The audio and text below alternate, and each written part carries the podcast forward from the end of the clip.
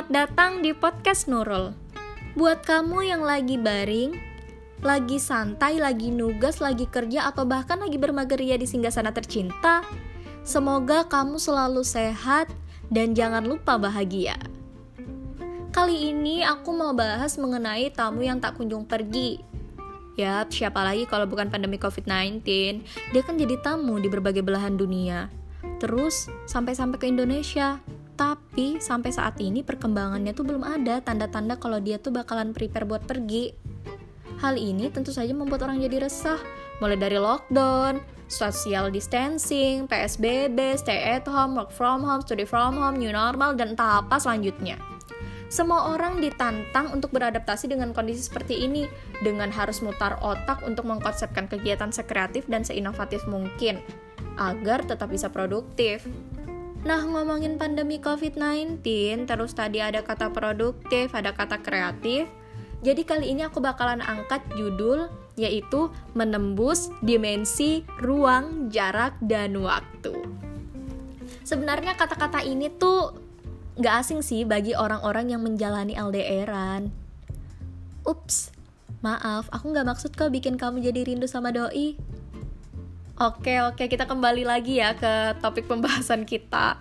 Nah, jadi sejak masuknya COVID-19 pertama kali di Indonesia dengan konferensi kasus pada tanggal 2 Maret tahun 2020, hal ini tentu saja membuat suasana menjadi riuh, mulai dari panik buying hingga terbatasnya ruang gerak aktivitas kita, kehidupan yang terkadang membuat kita merasa enjoy, aman, santai, kalem, oi. Seketika berubah drastis 360 derajat. Lalu Lalu, apa sih yang harus kita lakukan?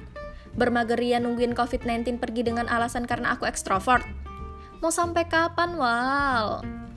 Oke, jadi dalam hal ini, terkhusus untuk kamu seorang terpelajar kaum intelektual yang lekat dengan kata literasi, tentu kondisi seperti ini membuat kita harus tetap masif dalam mencari dan mengembangkan ilmu pengetahuan. Yuk, mulai bangkit dari zona nyamanmu kita lakuin hal-hal faedah yang membuat kita produktif seperti diskusi, ikut seminar, ikut training, ikut kelas-kelas yang sesuai dengan bidang kita atau bahkan kegiatan apa pun itu yang bersifat positif yang ingin kamu lakukan.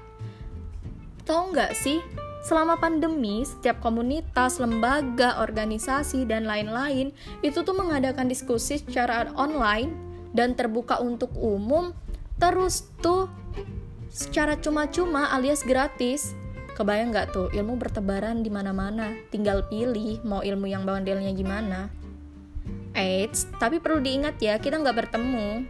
Kita akan lakukan semua itu via online. Kita akan dibantu sama teknologi yang sedang masif-masifnya dipergunakan di kondisi seperti ini.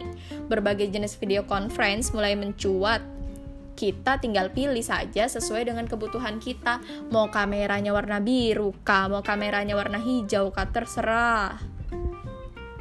Yaps yaps. Sesuai judul tidak terbatas jarak ruang dan waktu, kamu bisa aja lagi di kamar tapi ngehadirin seminar di Jakarta dengan pemateri ternama dan dengan biaya terjangkau, gak perlu naik pesawat, atur waktu buat surat izin gak kuliah hanya untuk ikut seminar nasional, hitung-hitung sertifikatnya nambah poin partisipan di portal SIA. Terus tuh kamu juga bisa tuh satu room sama pemateri hebat yang ternama dan pemateri-pemateri andalan kamu yang be yang pengen banget kamu temuin tapi terkendala ruang, jarak dan waktu. Nah, jadi pandemi itu bikin kita kayak ilmu pengetahuan. Tapi ada syaratnya. Syaratnya bukan sebar tiga becean ini ke grup kamu. Nggak gitu. Jadi syaratnya yaitu bagi orang-orang yang benar-benar ingin berusaha. Kalau kamu cuma tiduran, bermageria, ya nggak bakalan kaya dong, nggak bakalan nambah ilmunya. Oleh karena itu, yuk kita perkaya ilmu pengetahuan untuk kebermanfaatan di masa depan. Pandemi COVID-19 bukanlah alasan untuk menjadi malas. Ikhlas menerima keadaan bukan berarti kita tergilas. Balasan yang paling tepat adalah kebangkitan, berseliweran untuk mencari keuntungan dari ilmu pengetahuan. Bagaimanapun situasi kondisinya, selalu ada jalan menuju tak terbatas dan melampauinya. Sekian, sampai jumpa. Terima kasih.